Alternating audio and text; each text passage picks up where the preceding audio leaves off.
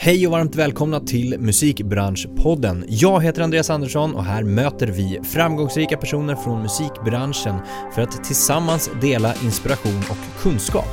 Podden produceras av DMG Education, musikbranschens digitala kunskapsarena med kurser, utbildningar och coachning för dig som vill utveckla din karriär.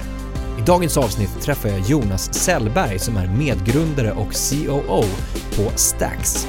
Häng med när vi pratar om streamade konserter, hur marknaden ser ut idag och hur framtiden skulle kunna se ut. Vi pratar även om outnyttjade tillgångar eller resurser i musikbranschen, ersättningsmodeller för streaming såsom user-centric, vad betyder det för någonting? Och självklart resan med Stax från start till idag. Vi kör igång!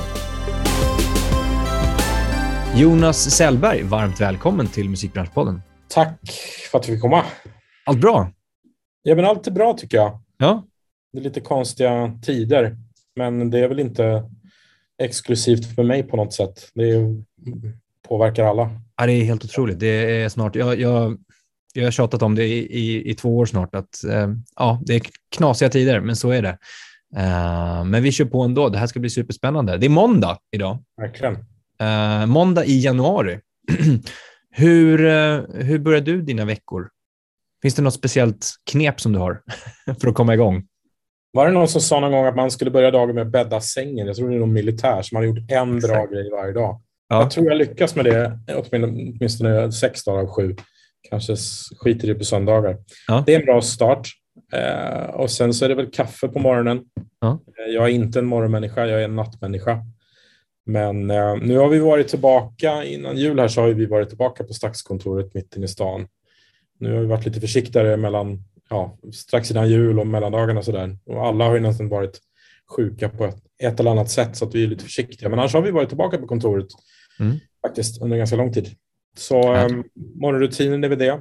Hoppa på buss och tunnelbana till kontoret. Mm. Så du är ingen sån, eh, vad heter det, 5 am person som är uppe och mediterar? Nej, ibland önskar jag att jag vore det kanske. Men nej, jag kan inte påstå att jag är det. Alltså, det vore att ljuga. Men inget du kanske saknar heller? Alltså, jag, vet, jag har aldrig riktigt provat, så jag kanske borde prova. Jag sov jäkligt dåligt, så det kanske är en sån grej jag borde testa. Kanske, man vet Kanske. aldrig. Ja. Ja, du får, vi får göra en uppföljning sen då. Om, Exakt, eh, precis. ska vi ta typ till midsommar eller något så kan vi se Börja med yoga efter... hur dina morgonrutiner har ändrats. Ja. Fantastiskt. Eh, Det, det, det började 17 januari i Musikbranschpodden. Exakt, det var du som pushade mig över kanten. Ja, jajamän. Härligt. Men du, vi ska inte prata om morgonrutiner och yoga och ehm, eh, kommunaltrafik till jobbet. Vi ska Nej. snacka musikbransch och ehm, ja, streamade konserter och musikdokumentärer framför allt. Exakt. För du är ju medgrundare och eh, COO, operativ chef på Stax. Stämmer. Ja, Stämmer. härligt. Berätta, vad, kortfattat, vad är pitchen? Eh, Stax, vad gör ni för någonting? Netflix för musikdokumentärer och konserter. Hisspitchen. That's it. Det var en... Ja. eh, Alltså, man, jag fick lära mig ganska tidigt. Det här är mitt första liksom, startup. Och det är viktigt att ha så här, korta reflektioner när man träffar någon i en hiss eller något liknande och berätta. Mm. Sen är det, olika, det finns olika vinklar på det. Jag tror att vi är en SVOD-tjänst om man går lite in på djupet som jobbar med redan inspelat material. Det vill säga vi streamar SVOD. Vi streamar inte live utan vi spelar, streamar inspelat material. Eh, och primärt då och framförallt bara musikdokumentärer och konserter. Mm. Det är det. Och, och egentligen liksom inte bara nytt nu, utan Nej. gammalt. Om man tittar på... Ja, alltså precis. Vi har ju en, en, en, en eh, underline till, våran, till, till, till Stax som är Home of Concert. Nu är vi väl kanske inte hundraprocentigt där än. Vi hoppas kunna bli och komma dit. Mm. Och det, då handlar det ju om att gräva i arkiven. Och det är väl det som vi egentligen har ägnat oss åt de här åren sedan vi startade bolaget. att hitta de klassiska konserterna, att göra deals på de klassiska konserterna och musikdokumentärerna. För det finns så otroligt mycket material som har funnits på DVD, som har legat på hårddiskar hos filmbolag och skivbolag och masterägare som aldrig har visats. Mm. Och långt innan covid så var det här en idé. Vi är ju absolut inga opportunister på något sätt att dragit nytta av det. Snarare så har väl, har väl pandemin gjort att vi har fått ögonen på oss och fått möjligheten att tid, folk har haft mer tid att titta på en ny tjänst. Mm, ja, men exakt. Vi kommer in lite mer i detalj på vad ni gör, hur det fungerar eh, och just den, den eh, uppmärksamhet, tiden för uppmärksamhet som alla slåss eh, om, kan man väl säga. Ja. Eh, lite utmaningar, men också de här dolda tillgångarna som kanske finns i musikbranschen som du pratar om, inspelat material som har legat där, mm, som inte riktigt har kanske digitaliserats på det sättet. Men eh, du har ju tidigare erfarenhet, du pratade om att det här var din första startup, men du har ju tidigare erfarenhet från musikbranschen. Uh, ska vi backa lite där och kolla lite i backspegeln? Ja, vad har du gjort?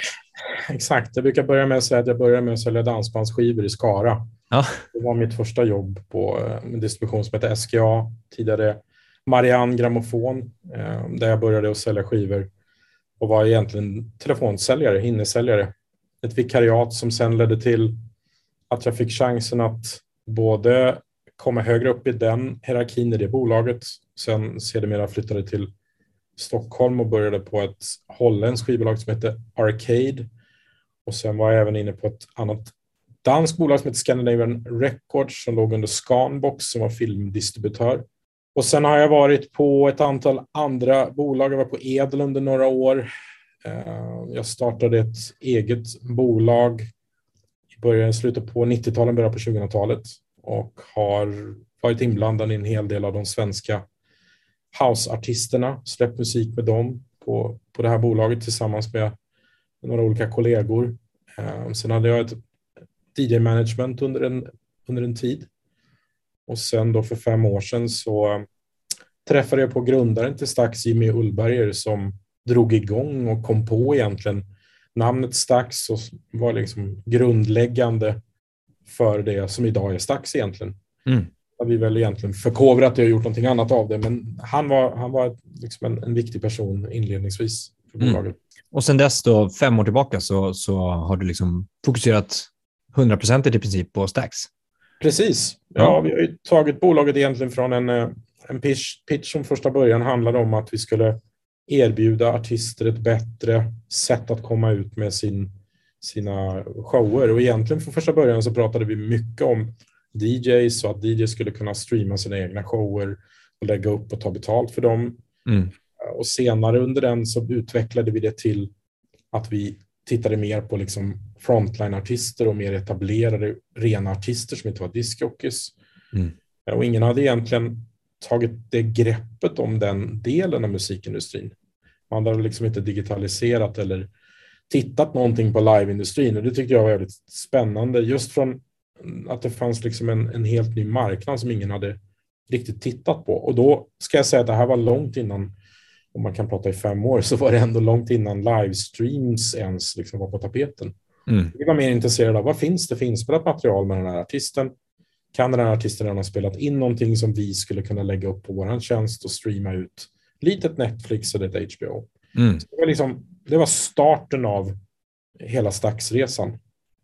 Och ganska tidigt så märkte vi ju att de kontakter man hade i sin telefonbok gick att använda till att komma ganska nära katalogägare och hitta möjligheter till att licensiera material från egentligen både de stora skivbolagen till mindre aktörer och rent av rent artist, artistdealar. Mm. Det gjorde vi och sen började vi till och med att spela in ett gäng konserter själva med svenska artister. Jireel och Benjamin Ingrosso och Felix Sandman och Weeping Willows, Tjuvjakt med flera. Där vi ville på något sätt påvisa att ja, men vi kan även vi göra det här. Vi kan möjliggöra att man kan få en konsert inspelad och sen exploatera den på vår, på vår tjänst. Det var egentligen en del av så att säga, pitchen vi hade. Mm, så det var liksom just där och då var det då att ni gjorde hela produktionen kan man säga? Ja, Ah, Okej. Okay. Mm. Exakt. Vi var, gjorde allting från ax till limpa egentligen. Vi knackade på dörren hos skivbolagen och frågade om inte var intresserade av det här. Mm. Och det fanns ju ett intresse redan från start. Mycket för att det inte har funnits någon kanal att visa upp sitt live-material i. Det är ett klipp på en morgon-tv, en morgonsoffa någonstans. Det finns liksom möjlighet att kanske komma in och få en hel konsert visad på SVT någon gång. Men det finns liksom ingen som har tagit ett helhjärtat eller ett helt grepp om hela live liksom, konsertdelen, att, att kunna liksom exploatera det. Och det såg vi som jäkligt spännande och många av skivbolagen vi pratade om tyckte att den här tjänsten har vi väntat på. Liksom. Mm. Mm. Så vi, ehm, Spännande. Men, men om man backar lite, vi, vi kommer in lite, ännu djupare på det här. Då. Ehm, om, om man ehm, tittar på, du som ändå varit med från början och du sa att det var din, liksom, det här är en, eh, gått från en startup till en scale-up som vi pratade om lite innan här också. Och ehm, att våga ändra riktning när man är mitt uppe i utvecklingen av en affärsidé. Hur, hur hittar man de eh, besluten? Hur hittar man det modet att liksom säga nej, nu ser vi en förändring, vi behöver gå åt det här hållet. Vi, har liksom, vi släpper det här, att våga släppa. Jag tror det finns några olika delar i det där. Den första delen är väl egentligen att man provar en tes, man sätter upp en tes och en idé som man skjuter på ett antal personer och testar och ser vad som händer och vad de, hur de ser på det. Mm. Många gånger så är det att man tack vare den erfarenheten man har och med de medarbetarna man har runt omkring sig eller vad vi har haft möjligheten att ha så har vi komma, kunnat komma ganska närma sanningen. Sen twistar man ju på vad man vill åstadkomma och många mm. gånger kanske man har väldigt högt uppsatta mål med större artister än man kan komma åt från första början. Men relationerna blir ju det som blir det viktiga, att man kan någonstans säga, jag tror att vi har knäckt någonting som skulle kunna hjälpa din artist eller som skulle kunna hjälpa dig som artist beroende på vad man pratar om. Och låta artist och management och agent och skivbolag till viss del vara med och styra och säga att vi vill inte äga det här, vi vill dela med oss, vi vill samäga den här produktionen. Vi ser bara att ni har möjligheter, eller er artist har möjlighet att eh, använda sig av vår tjänst. Om mångt och mycket med en startup så är det ju så att man kan få det möjlighet och vi hade möjlighet att spela in de här och ta den kostnaden initialt, vilket också gjorde att artisten hade ganska lätt att säga ja till inspelningen. Det är den ena delen, men den andra delen är det också att halvvägs inom ett sådant projekt så märker man också ganska snart att det där var inget bra det där vi gjorde och vi borde ha, som i våra fall, att vi borde ha haft liksom tänkt på att vi skulle ha fler intervjuer eller mer behind the scenes material och kanske jobbat mer med våra sociala kanaler och byggt storytelling och sånt där.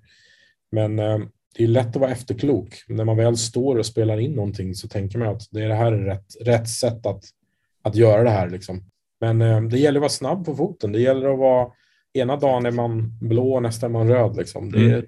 det är så en start, startup-värld. Liksom. Mm. Ja, men att våga släppa taget lite grann och se från ett utomstående perspektiv kanske och inte bara snöa in på att det här är vår bästa idé, utan att liksom välkomna in feedback utifrån, som du säger. Du skjuter idén på andra eh, och du får en respons och verkligen ta till sig den responsen på djupet och våga då ändra riktning och se, är vi på väg åt rätt håll eller ska vi gå liksom till vänster? Eller ska vi vara blå eller grön? Nej, men exakt. Och det är ju inte så lätt alla gånger. Det är, Nej. det är ju lätt att säga att man, är, att man har tycker det är okej okay att byta inriktning och att man vill mm. göra det på ett annat sätt. Men det gäller också att vara mentalt förberedd på att det, det ska ske. Mm. Jag tror att det jag har lärt mig framförallt av, av, i startup-världen och jobba med liksom, investerare som har verkligen trott på oss, det är ju faktiskt genomförandeförmågan. Att inte mm. bara prata om att man ska göra utan hellre att man har färre idéer som man gör jäkligt bra och att man är transparent i det, vad som är fel och vad som har varit rätt att göra och sen mm. komma vidare därifrån. Ehm, men genomförande förmågan och visa resultat och försöka vara snabb på foten och hellre misslyckas med någonting men och att genomföra det än att inte genomföra det alls. Mm. Ja, för då har du faktiskt med dig någonting, precis som du säger. Då har du ju med dig inte bara erfarenheten som är liksom det klassiska, men du har ju faktiskt med dig något slags portfolio, något slags CV av att du har genomfört det. Uh, och att kunna visa upp att du har gjort det. Om du inte genomför det alls, att du, du vågar inte genomföra det till exempel, då har du inget att visa upp framåt sen heller. Um, du kan prata om att du har samlat massa erfarenhet, men du kan liksom inte visa Nej. upp det på något sätt. Nej, och sen är det svårt också. Vad, vad, vad, är, liksom, vad är en framgång? Hur, hur, vet man att någonting är bra? När man pratar siffror så kan man ju många gånger liksom vända vilka dåliga siffror som helst till något positivt. Mm. Jag tror att det vi har varit duktiga på i Stax, det var genomförande förmågan. Verkligen säga att nu ska vi göra det här, vi ska filma, vi ska spela in det här, vi ska licensiera den här katalogen, vi ska få upp den på en plattform, vi ska bygga och testa den tesen. Mm. Det har vi varit ganska duktiga på att göra. Men sen har vi ju som många andra växtverk, vi växer väldigt fort, det kommer in nya människor hela tiden, vi försöker göra fler och fler saker för att, så att säga, elda på den här affären som vi nu har. För nu har vi ju en tjänst ute i Skandinavien och Baltikum, så nu gäller det att föda den här form av bästen med nytt material och, och, och, nya bra och smarta idéer. Liksom. Ja, men exakt. Om vi, kommer in, om vi liksom går in på det då just att ni fem år tillbaka har liksom jobbat på det, men lanserade själva tjänsten i maj i 2021 då. Uh, så det är ganska färskt egentligen utåt där. Ja, hur, ser, hur ser liksom affärsmodellen ut och hur, hur ser liksom affären ut? Streamingtjänst med två olika prissättningar, en månadskostnad på 119 och en årskostnad på 599. Uh, vi finns i Baltikum och Skandinavien. Det är väl egentligen affärs den, den krassa verkligheten. Mm. Sen har vi såklart runt jul och de stora helgerna gjort väldigt mycket kampanjer. Mm. Um, med tjänsten på olika sätt med Aftonbladet och med sign up på olika provperioder på olika sätt och det kommer vi fortsätta att göra för det har vi visat varit ett lyckat sätt att nå ut med en ny tjänst. Den här eh, liksom ersättningsmodellen, eller vi kommer in på den liksom mer ersättningsmodellen, hur de som äger materialet eller de som licensierar ut materialet till er, hur de får betalt då. Uh, men, men uh, om vi stannar där med, med, med liksom affärsmodellen. Du pratade om innehållet. Det är väl det viktigaste som ni har egentligen.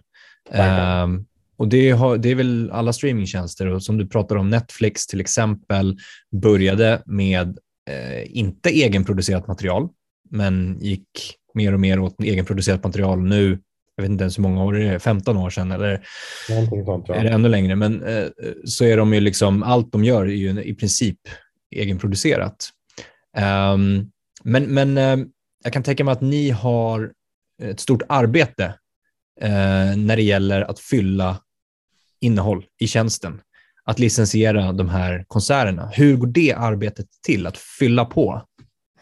Och det är egentligen, man kan säga att Stax består väl egentligen av tre stora delar. Dels är det själva produkten som har, vi har ett inhouse-team som har byggt från, från scratch. Och det var väl egentligen svar på varför det har tagit fem år tills vi kom till en lansering, eller strax, strax över fyra år i alla fall. Det handlar om att vi byggde en produkt först som vi var missnöjda med, som vi skrotade och så började vi om från scratch ett ganska, ganska tufft beslut, men det var ett, det var ett beslut vi var tvungna att ta. Mm. Idag har vi lyckats att, att bygga de apparna vi behöver för att liksom en streamingtjänst idag ska ju finnas på så gott som alla plattformar och alla app stores och, och, och på Chromecast och alla de här delarna. Så alla de delarna har vi egentligen. Vi har inte dedikerade appar för olika tv-ändamål och så, men det kommer, kommer vi att komma till ganska snart också. Det är den ena delen. Den andra delen i det här är ju givetvis innehållsbiten. Och en tredjedel är väl organisationen och själva affärsmodellen. Men om man pratar innehållsbiten som jag är ansvarig för så är ju det ett, ett ständigt jobb med att gräva efter inspelningar runt om i världen. Jag har ett ganska stort team som uh, finns på ett antal olika platser. Jag har tre personer i London som jobbar för oss och vi har en person i New York. Och så har vi ett team här i Stockholm som då hanterar de filer och det material som kommer in. Och egentligen så går det väl till på, på ganska traditionellt sätt när man licensierar. Vi eh, licensierar för ett visst territorium just nu.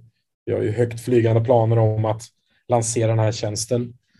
Eh, inom 18 månader så ska vi vara på en pan-European release så att eh, det gäller att liksom, nu gäller det att stånka på det här året rejält för mm. att komma dit. Mm. Men vi jobbar egentligen som jag sa lite inledningsvis, allt ifrån de stora mediebolagarna till små aktörer är ganska stolt över att till exempel ha ett, ett väldigt fint samarbete med franska INA och Morgan som är två franska, det är som ett franskt BBC kan man väl egentligen säga, där vi är de första som har licensierat titlar ur deras väldigt gida katalog för en, för en streamingservice utanför Frankrike. Mm. Med titlar ifrån um, ja, Ramones och The Police och grejer som aldrig har visats tidigare utanför fransk tv, vilket gör att då får vi, även om vi licensierar dem non-exclusive, så blir det ju väldigt exklusivt för det är garanterat att tittarna inte har kunnat se det någon annanstans. Mm. Och det adderar ju någonstans till den affärsmodell vi har, att varje vecka föda eh, våran tjänst med nya titlar och indirekt egentligen titlar som inte finns någon annanstans. Mm. För man måste komma ihåg att när man licensierar saker och ting non-exclusive så kommer man ju alltid på ena eller andra sättet så finns det antingen på Youtube eller någon tv-kanal eller liknande. Mm. Vår stora USP i det här är väl att vi försöker att hantera materialet på sånt sätt att det alltid är det bästa ljudet, det alltid blir den bästa upplevelsen. Och det är inte alltid så på alla andra kanaler. Det är ju mm. ett jobb som pågår. Det är inte heller det löst över en natt. Liksom. Men eh, vi jobbar ju ständigt på att, att bli bättre på det. Som du säger, det, det finns ju väldigt mycket material där ute, men det kanske inte alltid är så bra inspelat heller och det kanske, kvaliteten är, kanske inte är liksom så som ni vill att den ska vara via tjänsten också. Finns det, då, finns det ställen då ni tackar nej till material också redan i det här skedet? Vi har ju liksom, där är det som, snarare som brinner från två ändar. Dels vill man ju komma mm. upp i tillräckligt mycket titlar, så man, man vill ju helst säga nej. Men det är klart att vi plockar ut titlar som vi tror vi kan marknadsföra och som är för de användare som vi nu har. Mm. Eh, och det är viktigt att kvaliteten på något sätt i alla fall är så pass bra att ljudkvaliteten går att uppleva på bästa sätt. För idag så sitter ju människor med allt från din laptop till din, din, din telefon idag har ju en väldigt fin ljudmotor och algoritmerna gör ju egentligen att även om vi skalar konserterna i olika kvaliteter beroende på din uppkoppling så ska ju upplevelsen alltid vara så bra som möjligt. Och det handlar ju om klassisk skit in, skit ut. Liksom. Så att, nej, vi försöker nog vara ganska noggranna med att välja rätt grejer. Och sen är det, mm ibland är det lite kill your darlings, ibland är det mm. konserter vi verkligen vill ha som låter riktigt dåligt och då får vi lägga extra tid på att mixa dem och försöka fixa dem så att de blir så pass bra som möjligt. Ja, ni går in på sån liksom, detaljnivå också? Ja, varje, varje titel som du ser och lyssnar på och spelar på Stax har ju genomgått en ganska stor process eh, mm. från det att vi får filen till att vi laddar upp den. All och mycket right. jobb ligger ju kring ljudhanteringen och, ja, och konverteringen till, till en streamingtjänst egentligen. Mm, mm. Ja, sjukt spännande. Jag tänker vi ska prata lite grann om så här, möjligheterna för musikindustrin, eh, men också kanske hinder. Eh, jag har kommit in på det lite grann, men om vi tittar på så här, möjligheterna som vi pratar om, vad, vad finns det för möjligheter med att exploatera allt, allt det här innehållet, allt det här materialet? Oändliga skulle jag säga. Jag tror att hindret sitter i att skivbolagen, om vi pratar om, vi definierar skivbolag utifrån mediebolagen och de mindre bolagen, om vi nu får mm. säga så, eller de, de som katalogägare. Så de stora mediebolagens största problem brukar många gånger vara att de sitter och har en lista många gånger på titlar de vet att de har rättigheter till. Men allt för sällan så är de inte digitaliserade. Så för dem gäller det att värdera, är det värt för oss att sätta ett antal timmar på någon att digitalisera det här för att vi ska kunna licensiera det ut det här till Stax. Mm. Och allt eftersom vi påvisar att vi har en affär kring kring titlar som vi har antingen licensierat från bolaget innan eller att vi är så pass spjutspets att vi säger till och med att vi vet att ni har den här titeln och vi kan tänka oss liksom att lägga handpåläggning på att få den digital. Då blir de ju intresserade. Mm. Eh, sen är det mediebolag. De är grundade i ett, ett sätt och ett tänk som handlar mycket om att det här är vår katalog. Vi kan inte licensiera ut den hur som helst. Ska vi ta i den så måste vi tjäna pengar på den.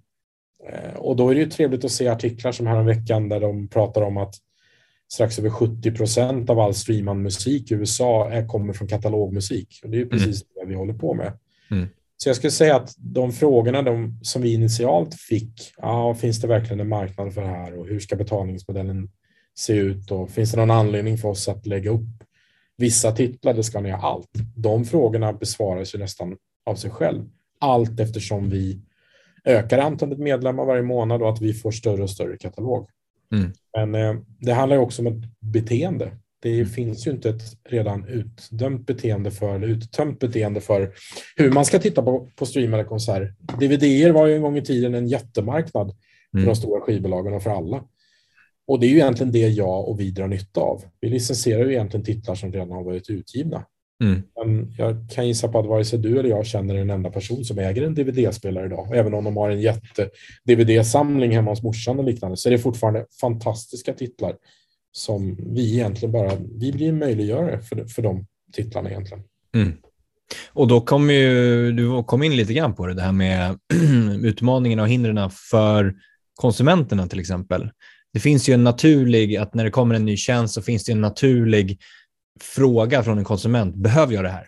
Mm. Behöver jag betala eh, liksom, en månadsavgift för det här? Eller what's in it for me? Mm. Um, hur har ni sett den, det liksom mottagandet från konsumenterna? Vi har ju varit, haft både turen och skickligheten i att bli väldigt väl omhändertagna i, i press och media. Vi har fått otroligt mycket uppskattning för att smart, nu tar någon tag i hela liksom, delen kring SVOD och redan inspelade konserter, musikdokumentärer och alla kan gå till en klassisk konsert. Fan, jag missade Lady Gaga där eller jag såg inte Daft Punk där eller vad det tänkas vara. Så för en konsument är det lätt för dem att, att förstå varför tjänsten finns. Och många gånger när jag är runt och pratar i sådana här forum eller liksom gör intervjuer eller bara träffar folk på gatan så säger många gånger människor som jag inte har träffat på ett tag som inte vet vad jag gör att finns inte den här tjänsten redan? Och redan mm. där är ju ett positiv del i det. Det som blir negativt är väl det faktum att det finns ju ett YouTube, det finns andra tjänster som strömmar klipp och delar av konserter och, och musikdokumentärer, inte i sin fulla längd i olika kvaliteter. Och det är en del av kanske motståndet till det. Eh, men jag skulle säga att vi har alla möjligheter att skapa en tjänst som på något sätt har, får plats i folks streamingmedvetande. Jag skulle säga att vår största konkurrent är nog tid. Mm, det handlar nog om andra tjänster. Liksom. Mm. När man skapar en sån här tjänst så handlar det mycket om att vi som är grundare och vi som jobbar med Stax är ju fans av livemusik. Det är bästa, liksom, det är det bästa jag vet. Och den känslan och den, att jag är en fan av det vill jag ju dela till andra fans. Och det, den, den resan och den, de kommunikativa delarna i det här är otroligt viktigt. Att folk känner sig att ah, jag gillar också det här. Jag, jag fattar precis vad de är ute efter. Och framförallt att vi bygger tjänsten med innehåll som någonstans inte hoppar över några av stegen. Att vi har den dagen vi öppnar upp för hiphop, då ska vi ha tillräckligt många tittare av hiphop och den dagen vi öppnar upp för country så ska vi ha tillräckligt mycket tittare av country så att inte man lurar en eventuell liksom, subscriber på, på den här upplevelsen, utan det gäller liksom att bygga det här i olika, olika delar på, på, på ett smart sätt. Mm. Och det är inte lätt alla gånger. Men tid skulle jag säga är vår största konkurrent, definitivt. Ja, verkligen. För att jag tror ju, som du säger, skärmtiden är ju det alla slåss om. Eh, uppmärksamheten från, från eh, andra. Och någonstans så, så, får man väl liksom, om man jämför med till exempel alltså vanlig stream, musikstreaming, eh, så går ju musik att streama i bakgrunden på ett annat sätt. Det här går ju att streama i bakgrunden på ett, annat, på ett sätt också såklart, men det är ju kopplat till en skärm.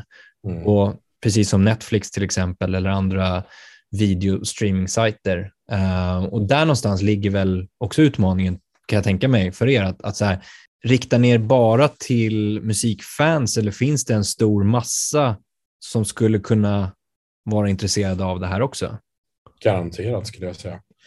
Och det, som du nämner så är ju streaming av musik idag, ju, det tar ju folk för givet. Man streamar mm. olika ställen. Många har säkert flera Spotify-konton som bara rullar och går i sommarstugan eller i bilen eller vad det tänkas vara. Vi har ju mer ett framåtlutat liksom, läge att titta på Stax. Här kräver ju att du har din fulla attention. Mm. Eh, och en del i den resan eh, har ju varit och kommer att vara när vi lanserar, det finns det på, på när du kan använda på din dator, men vi kommer ju att lansera inom kort någonting som heter setlist, som är en spellista egentligen, där du själv kan göra din egen setlist som vi säger, det vill säga välja olika spår helt fritt från olika, vilken konsert eller musikdokumentär kan tänka dig och bygga din egen setlist. För jag tror att konsumtionen som vi ser so far på den datan som vi har sett sen vi lanserat visar ju just att man spenderar ganska lång tid på plattformen. Men jag tror att den tiden kommer att öka mer när man väl har kurerat en egen lista mm. eller får hjälp av en artist som kurerar en lista. Och det blir också ett sätt att liksom fördjupa katalogen med de titlar vi har genom att vi då även blir spår för spår så att säga. Så setlist kommer att vara en stor feature, en viktig eh, feature för oss när vi lanserar den. Jag själv känner ju så här, äh, jag ser möjligheten i att att just ta del av till exempel konserter som jag inte har kunnat ta del av back in the days äh, för att jag kanske inte kunde uppleva dem där och då. Um, och också när jag liksom har inte haft möjlighet att se någonting här och nu till exempel. Jag fick inte biljetter eller vad det nu skulle kunna vara eller det var för smalt eller vad som helst. Men, men jag tror inte jag själv personligen skulle vilja återuppleva någonting som jag redan har återupplevt. Om man tänker så här, kon äh, konkurrensen mellan det, det fysiska. Mm. Ja, det var någon gång jag gick på en konsert och jag upplevde den som helt magisk. Alltså ljudet var helt fantastiskt. Och jag gick därifrån med liksom eufori. Och sen så såg jag den på YouTube ett tag efter. Och det sabbade hela upplevelsen. Mm. Bara liksom krasch. Och jag bara, nej men det där var ju bra, fast det jag sitter och lyssnar på här, Ja, jag det pajade liksom. inte bra. Det pajade ju hela upplevelsen. Ehm, och det, visst, jag var ett superfan av, av det bandet som spelade där och då, men, men ehm, har, har ni stött på det? Eller har du ta- sett de tankarna? Eller stött Ja, på de tankarna? Jag menar, live är, många gånger så pratar de om att live är live, man ska se live. Exakt. och allting. Men då måste vi också komma på, precis som du säger, att jag menar hur mycket klassiska konserter som egentligen varit grunden i ditt musikkunnande och ditt musiktycke har startats just av att du har varit på plats någon gång och sett en konsert eller att du inte kunde se konserten. Mm. Och i återupplivningen på grejer som, som var kanske innan du var född eller innan du ens fick gå ut och gå på konsert. Den, de mängden av de klassiska konserterna, de är ju oändliga Mm. egentligen är ju det någonstans så att ditt musikintresse skapas ju någonstans kring mellan 12, 13, 14 års åldern. Många gånger så lyssnar du på artister ur ett katalogperspektiv, att de var de artisterna som du började gilla när du var i den åldern. Ja, sällan såg du dem i sin prime, du missade dem, det gick inte att se dem. Mm. Att Jag tror det är kanske två delar. Det är klart att det, vissa konserter ska ju fullt ut upplevas med fyrverkerier och fantastiskt ljud och alla de delarna. Men vi, vi, ehm, jag tycker definitivt dock att vi har en, en klar position i att ändå vara en del av den, att, att ändå få möjligheten att återuppleva det. Även om man aldrig kan så ska jag helt överklassa ett, ett riktigt event så att säga.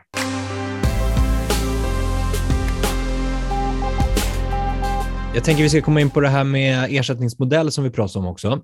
Ni använder er av, det finns ju olika ersättningsmodeller, prorata och user-centric brukar man prata om. ehm, när man är en streamingtjänst till exempel och många streamingtjänster ute som använder sig av just prorata. Eh, vi ska inte gå in i exakt detalj vad det handlar om, utan det kan, får ni prata Jo, vi med Daniel? Johansson om. Eh, Ja, exakt. om ni träffar honom.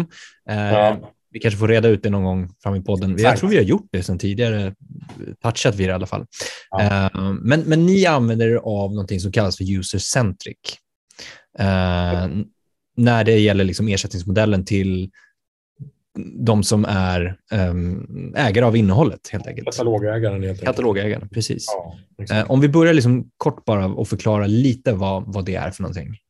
Man kan säga för att göra en enkel förklaring, user-centric är egentligen en fördelning av tid. Mm. För att enkelt förklara det i våra modell, de två tredjedelar av royalty som vi lämnar bort, som vi ger bort till masterägaren, om dealen ser ut som med oss, de två tredjedelarna delas på den tid du spenderar på respektive titel i vår plattform. Så spenderar du all tid på Bob Marley, och då går allting till den personen som äger Bob Marleys katalog, i det här fallet Universal. Eh, ganska enkelt.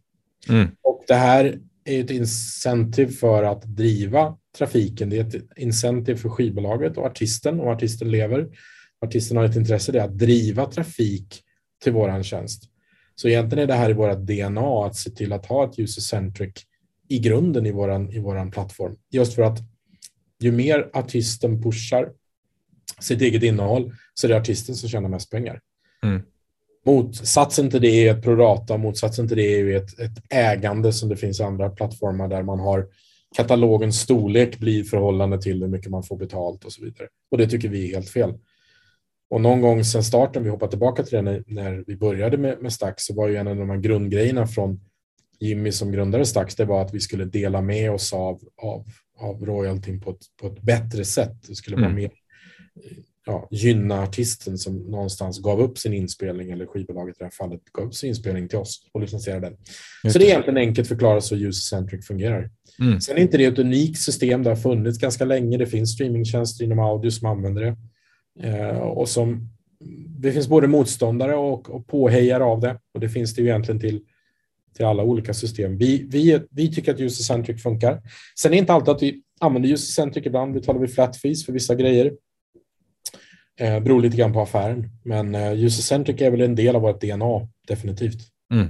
Så att, eh, då finns det egentligen två eh, varianter för er. Då. Om, man, om vi förenklar det supermycket med user-centric och jag betalar då eh, mitt abonnemang, eh, vad sa vi, 599 för ett år eh, Ja. och, och 600 kronor då. Och så lyssnar jag bara på en artist.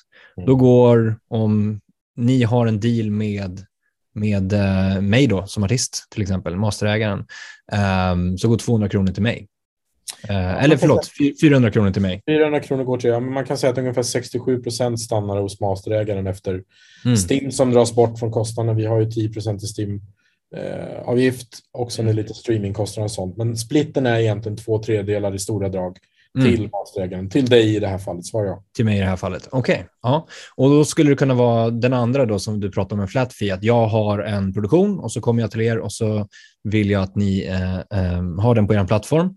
Och sen så känner jag att nej, men jag vill egentligen ha 30 000 kronor för den upfront här. Och sen får ni lägga den där och så får ni behålla alla intäkter som, som genereras av just den. Då. Ja, men exakt, precis. Mm. Och ibland så är det så att eh, det finns ägande av katalog som måste vara flat fee. Det inte finns en mm. möjlighet till avräkning mot en artist eller skivbolag. Men, eh, och det här är också, ett, jag menar, när jag säger att det är vårt DNA så är det också ett sätt för oss att liksom någonstans komma till industrin med ett sätt som är mer rättvist att betala. Sen är det inte alla skivbolag som är uppsatta för user-centric. Man har van vid att få prorata, man vet hur mycket en stream är värd. Mm. Om man ett visst antal gånger så är det ett visst antal procent och så mycket pengar i slutändan. Om man jämför de bägge modellerna så om man tittar på audio så är det nog inte jättestor skillnad. Däremot om man tittar på jag som bygger och vi som bygger en, en streamingtjänst för Eh, konserter, musik, dokumentärer så blir det viktigt för oss att ha med oss det i vårt DNA som jag säger. För att påvisa det faktum att ja, vi vill slå in oss på den här marknaden.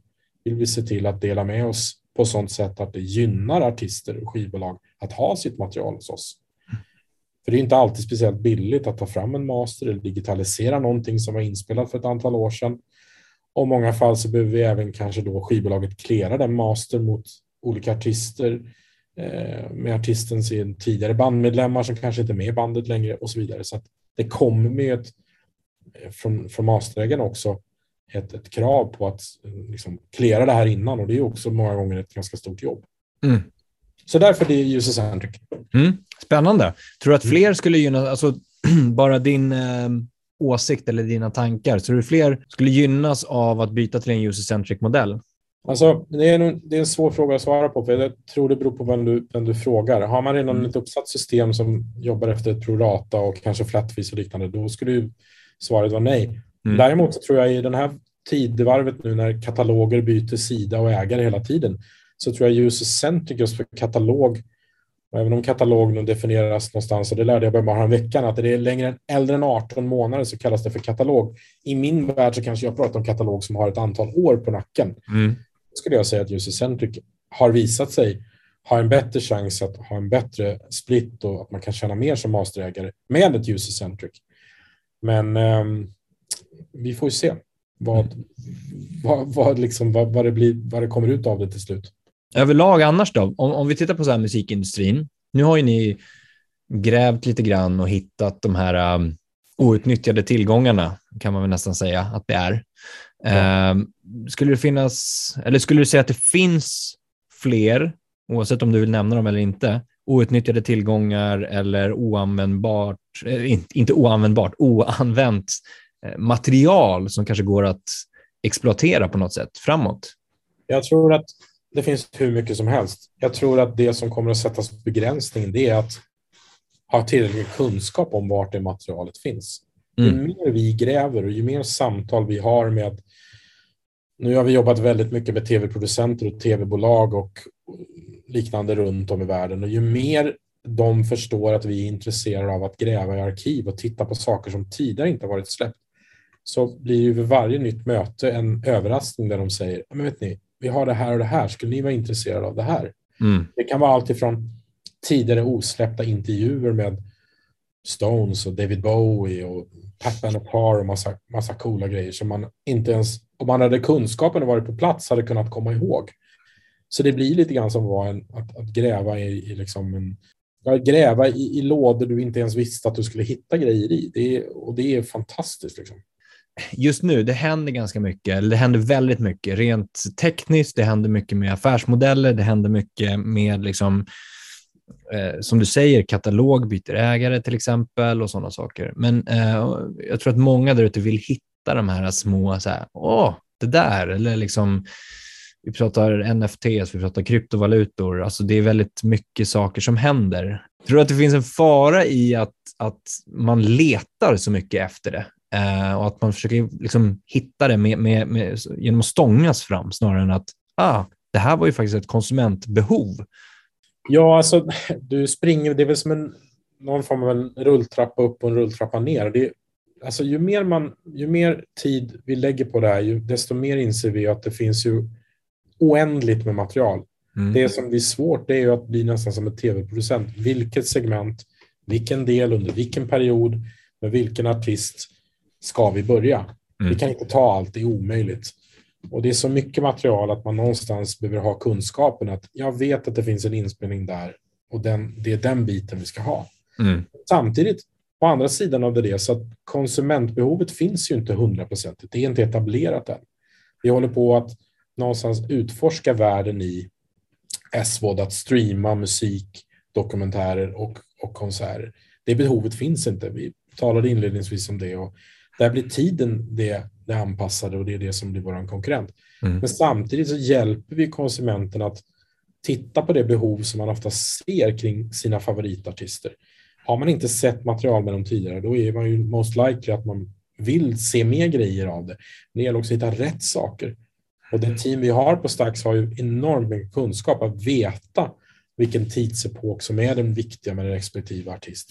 Vad, I vilken låda man liksom bör titta och vad det är som blir viktigt för den här, att föda den här idén kring att vi är fans av, av, av den här musiken och det finns andra fans där ute som vi vill göra det för. Mm. Så jag, jag, är inte så orolig för att det skulle liksom skapa ett, ett missförhållande ned, nedsidan av idag är väl det snarare att det finns för mycket material så man blir någonstans, okej, okay, vart i allt det här börjar vi? Mm. Hur ska vi kunna sätta ett rätt pris på det? Hur ska vi förvänta oss att konsumenten kommer att konsumera det? Och där har vi ju data och där har vi vår plattform och våra team som hela tiden tittar på eh, hur vi förvaltar det pundet mot våra användare. Och där har vi precis egentligen bara skrapat på ytan än så länge. Det finns mm. hur som helst att göra. Nu har vi egentligen bara pratat katalog också. Ja. Det finns ju idag och framåt också. Ja. Om man tittar på det. Uh, ni, ni släppte ju med Lars Winnerbäck nu ja, um, förra veckan. Precis. Um, exklusiv licensiering då från, från en konsert i somras. Ja, precis. Som vi tog från Doors, som vi gjorde samarbete med Doors, som då streamade den live och sen så blev det en katalog av den. Och så fick vi möjlighet efter vårt fina samarbete med dem att licensiera den.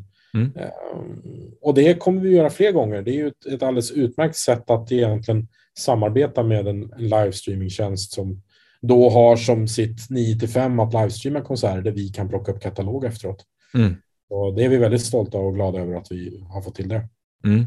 Och, och jag tänker mig, finns det fler sådana möjligheter framåt att se till alltså, um, samarbeten med större festivaler eller med liksom, konsertarrangörer på det sättet att, att alltid på något sätt um, ja, hitta de produktionerna innan de genomförs så att säga? Ja, men definitivt. Ja, men en, en del i den här resan Eh, jag pratar om att vi växer väldigt fort och en del av den här resan är ju att vi har anställt tre personer ifrån liveindustrin som just nu bildar teamet bakom Stax Originals som just ska jobba med dels katalog, existerande katalog med svenska och skandinaviska artister och även utländska, men också att spela in ny katalog och troligtvis eventually gå mot en livestream.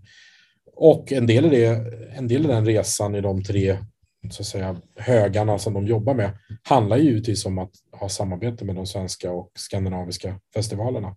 Mm. Att haka på och blir en möjliggörare att nå ut till många fler än de som faktiskt bara besökte konserten eller festivalen. Det finns ett liv innan festivalen eh, där det är svårt många gånger för festivalarrangörerna att hitta ställen att kunna visa upp rörligt material och ha ett ställe där man driver biljettförsäljning och driver liksom affären kring en festival. Och även givetvis under festivalen att man ser till att man får ut, maxar ut så mycket av den investering man gör och givetvis efter att vi blir, kan bli en del i det, i det kommersiella flödet egentligen. Så det är en, en riktigt stor och viktig del som Stax Originals-teamet jobbar med. Är det också, vi pratade lite grann, um, ja, men är det bara för etablerade artister själva liksom tjänsten eller? Nej men alltså, Ja och nej skulle jag säga. I mm. dagsläget är det ju att vi licensierar saker som vi tror att vi kan eh, ha PR och marknadsvärde, det vill säga att vi investerar i saker och ting som gör att vi kan ta tillbaka pengarna mm. och då blir det kanske lättare att göra det med etablerade artister. Mm. Däremot så blir den viktiga delen i nära samarbete med skivbolag och förlag och bokningsbolag att titta på nästa, nästa sväng av nästa talanger som kommer, högt och lågt. Och vi, vi är absolut inte några, det ska inte vara någon elitism kring vad vi väljer. Jag tror det blir viktigare snarare att vi tillsammans med skivbolag, tillsammans med ett förlag och tillsammans med ett management har artister som är beredda på att satsa eh, på, på ny teknik och på nya möjligheter. Mm. Och då ser jag ingen begränsning i om artisten är etablerad eller inte, utan det är snarare att vi möjliggör återigen och öppnar tjänsten för att ja, har ni en tillräcklig push från, från skivbolag och förlag och management så är vi såklart intresserade av att titta på det. Jag tror inte att vi initialt kanske vill breaka artister och vi ska vara den enda kanalen, men vi ska vara en del i musik, musikflödet i musikindustrin där vi givetvis ska dra våra strå till stacken för att hjälpa eh, nya artister. Mm. That makes sense. Ja, verkligen. Ni har ju hållit på då sedan, eh, ja, vad sa vi, fem år tillbaka och ändå arbetat på det här. Hur har, och in i liksom hela pandemin och hur digitaliseringen skyndades på, och livestreamade konserter och artister provade på att liksom, streama själva um, och allt vad det liksom har inneburit. Hur har ni följt med marknaden och hur har ni sett andra initiativ som kanske liknar det ni gör poppa upp längs vägen så att säga?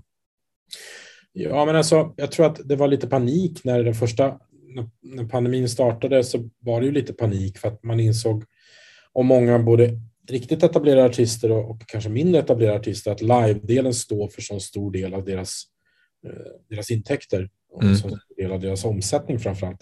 Att man fick panik och man tänkte nu måste jag starta min egen Facebook eller Insta-kanal och nu ska vi streama och det kommer vara tusentals personer som står och, och, och väntar på att titta på mig.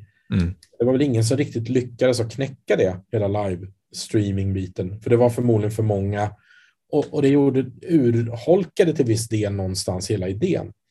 Eh, och sen så var man ju vara lite försiktig här eftersom jag egentligen i dagsläget och vi inte satsar på livestreaming som det är nu.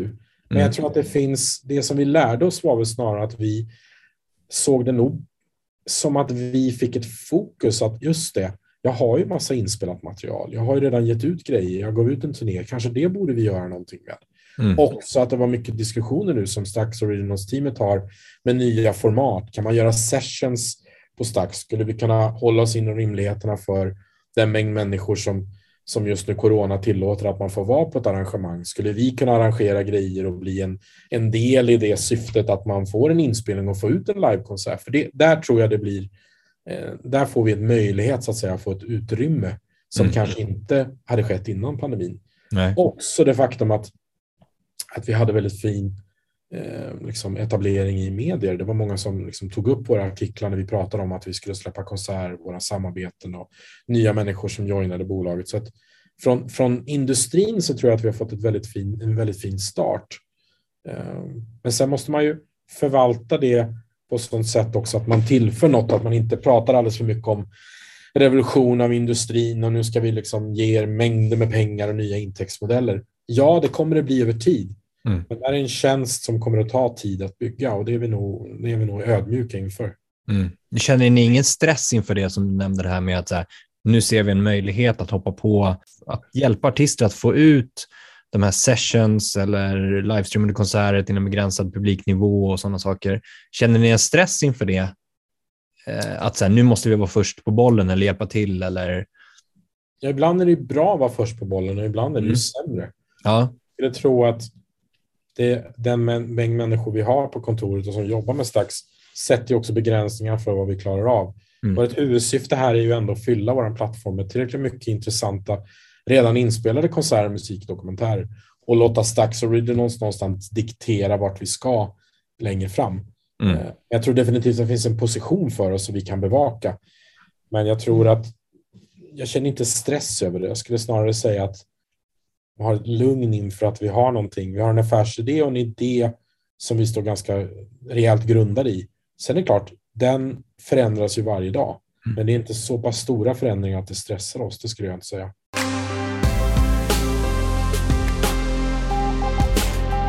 Teknikutvecklingen som sådan då? VR, AR, hologram, you name it. Det är finns väl både oändliga möjligheter kopplat till det ehm, och också någonstans i det ni gör att liksom vara en del av det som komma skall. Nu är det ju liksom inte ett konsumentbeteende att du sitter med VR-glasögon hemma och upplever den senaste konserten från liksom, Friends för att du inte kunde delta där. Eh, men det kommer ju säkerligen komma ett slags sånt konsumentmönster där du kan köpa sådana specifika biljetter och dels vara med live, men också som du säger uppleva det i efterhand. Um, måste ni då ta ställning till det? Måste ni svänga i er affärsmodell för att applicera det i den nya tekniken? Oj, bra fråga. Svårt att veta innan kanske. Ja, det måste skulle jag inte säga att vi behöver. Men det vore ju sjukt att säga att man är en streamingtjänst om man inte någonstans stod på tårna inför alla möjligheter det finns med tekniska utvecklingar. Mm. Många gånger så sätter de tekniska utvecklingarna också en begränsning i vad din, vad din dagliga affär handlar om. Mm. Teknikutveckling sker ju här hela tiden. Det utvecklas hela, även om det är väldigt litet team här så är de otroligt spjutspets på de här killarna och tjejerna som sitter här med den utvecklingen. De har hela tiden liksom nya idéer och nya tankar. Genomförande förmågan är ju också det att de ska driva den affär vi redan har startat. Mm. Eh, Men jag tycker det är sjukt spännande med, med eh, VR-delen. Vi har faktiskt eh, ett, några stycken konsertklipp eh, inspelade i VR. Sen vad vi exakt ska göra med dem, det är ju nästa fråga. Liksom. Ja. Ja, det- det. Vi är en streamingvärld och hur man Ja. Ska man göra det liksom? Och som du säger, ingen sitter hemma med VR-glasögon förmodligen. Eller också är det det de kommer göra. Det vet man ju inte. Och det, Nej. precis som du säger, att här, ni, ni behöver fokusera på er affär här och nu för att göra den bästa möjliga och inte bara hoppa på trender eller hoppa på det som händer framåt eller eventuella möjligheter framåt. Men samtidigt hålla koll på det för att se när de här, liksom, det kommer komma tio stycken möjligheter. Ska vi identifiera, är någon av dem någon möjlighet vi ska hoppa på och agera på?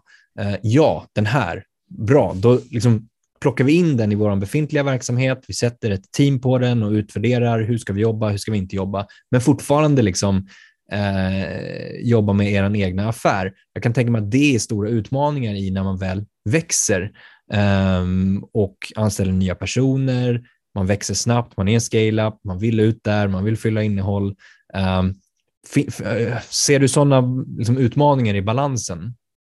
Nej, men där om vi tar in din del i, oron så är det väl där en oro att inte missa saker Mm. För att även om du har, även om du har örat mot rälsen och, och dagligen läser alla tech-magasin som finns och lyssnar på alla poddar i världen så kommer du förmodligen att missa det som blir det mest obvious ändå. Mm. Det som jag tror är väldigt intressant är att ta den resan vi har påbörjat med våra medlemmar och de som, som, som är medlemmar och som varje månad liksom följer oss och, och betalar för vår tjänst. Och även den nya som kommer genom att vi börjar spela in nya konserter. Vi kommer att märka ganska snart nya trender genom att vi hela tiden måste flytta fram positionerna. Mm. Och många gånger i en värld som inte hittills är helt eh, styrd och uppsatt, där be- beteendet inte finns, där det inte finns 150 tjänster som har streaming med, av musikdokumentärer och konserter som vi har, då kommer vi garanterat vara, och åtminstone ges möjligheten att få titta in bakom skynket till, till nya innovationer. Eh, och sen tror jag det handlar om att inte vara, sitta fast på sin plats utan att hela tiden söka, hela tiden vara nyfiken eh, kring det. Och det tror jag nyfikenheten kommer aldrig sluta för mig i alla fall. Även om inte jag kanske är en tech, tech-person i grunden och botten utan mer en musikmänniska. Så eh, det gäller att fortsätta vara nyfiken. Om det, Mm. om det, if that makes sense igen liksom. Ja, men absolut. Jag tänker, nu har vi pratat om eh, lite grann vad du har gjort tidigare, din resa. Vi har pratat om Stacks, och affärsmodellen kring det, streamande konserter som format. Vi har kommit in i det digitala. Eh, man förstår ju på något sätt att, att du också har gått igenom en slags resa på något sätt. Eh, inte bara liksom med Stacks, utan överlag i din karriär. Om du tittar tillbaka, vad hade du velat kunna rent liksom kunskapsmässigt eller vad hade du velat veta eh, om du fick viska till dig själv för sådär sju, tio år sedan? Jag hade velat kunna programmera, jag hade velat kunna hands-on, liksom kunna mer kod, ja. att liksom hantera eh, en del av våra appar, kunna testa, bygga modeller. Eh, det tror jag är en del. En annan del, jag hade gärna velat liksom kunnat glän, liksom glänta in i världen kring vad som komma skall inom pandemin. För det har ju ställt en massa saker på sin spets, både att det har varit lättare att få tag i folk och det har även varit svårare att få tag i folk och varit svårare att komma till avslut. Mm. Eh, och kanske framför allt att kunna förstått kundresan. Hur viktig kundresan blir ifrån den första kontakten till man ser en reklam eller ser en affisch eller ser en kommunikation vi gör. Att förstå den resan mycket tydligare, kunna kanske byggt tjänsten på ett lite annorlunda sätt eller åtminstone haft kunskapen om att förstå hur viktig den resan är. Mm. För det är någonting som vi hela tiden försöker jobba väldigt mycket med, att kundresan blir så bra som möjligt. För relationen mellan din tjänst och din kund och kunderna du har för din tjänst, de är den absolut viktigaste. Snyggt. Ja, jag håller med dig. Just programmeringsbiten. Jag hade så gärna velat ha mycket, mycket bättre koll på det. Rent liksom, kunskapsmässigt och faktisk färdighet i att göra det. Um, det hade underlättat i så många, mycket idégenererande till exempel, att man kan skapa ja, det själv. När, du, när man racear pengar till någonting, ja. man säger att ja, men det är inga problem, vi kan bygga en tv-app och en mobilapp och en dedikerad whatever-app och sen insatt ska du komma till tech-teamet, ja, du, jag har sålt in den här idén. Det är bara att börja bygga och de kliar sig i huvudet och bara, men det där, vi pratar månader av utveckling. Vi är det här lilla teamet. Hur ska vi lyckas så liksom få i land det? Ja, exakt. Och, och det är väl ett honorage någonstans till mitt team, att, eller våra team ska jag säga, som har gjort ett fantastiskt slit med det här och gör det varje dag. De, de liksom, det är, det är 24-7 med det här. Det hade jag gärna velat haft som en brasklapp framför mig att du, det här tar mycket längre tid än du har tänkt dig. Mm. Nu ska ju vi träffas om eh, sex månader sa vi och följa upp din morgonrutin. Just det. Eh, men Just det. säg att vi ses om eh, två år från nu. Var, vart eh, är ni då någonstans? Eller vart är du någonstans? Ja, men alltså jag tror ju stenhårt på att vi inom 18 månader är i Pan-European och att om två år så har vi börjat knacka på dörren och titta på en lansering i USA. Det är mm. ju målet. Det är målet att bygga en, en internationell eh, tjänst. Det är målet att bli Home of Concert. Stax ska verkligen ta sig dit. Det är, jag kommer inte ge upp förrän vi är där. Liksom. Vi är på god väg och om två år så då är vi i USA och står och tittar på någon lokal för vår första lansering i New York med någon, några bra artister. Det, det är vad jag hoppas på. Coolt. Och slutligen då, vad står Stax för? Vi inledde det lite grann förut. Alltså, det här har vi debatterat en del. Stax, om man, jag tror att Jimmy som, som kom på namnet inte visste att Stax i min värld, som jag ser det, står för staccato. Det vill säga korta toner. Mm. Eh, jag tror att Stax i hans värld står för någonting annat. Vi blir ibland jämförda med att Stax skulle vara den gamla soul-labeln Stax som stavas med X. Eh, men det hör jag mindre och mindre, men det var väl några sa. Så att, ja, någonstans där står väl Stax för. Liksom. Så det är inte en förkortning, utan det är mer en... Nej, det är inte en förkortning. Det är det inte. Mm. Kanske det är, men inte vad jag vill, inte vad jag känner till. Exakt, någon får hitta på en egen förkortning. Tack. Grymt! Jonas, supertack för eh, trevligt samtal. Tack själv.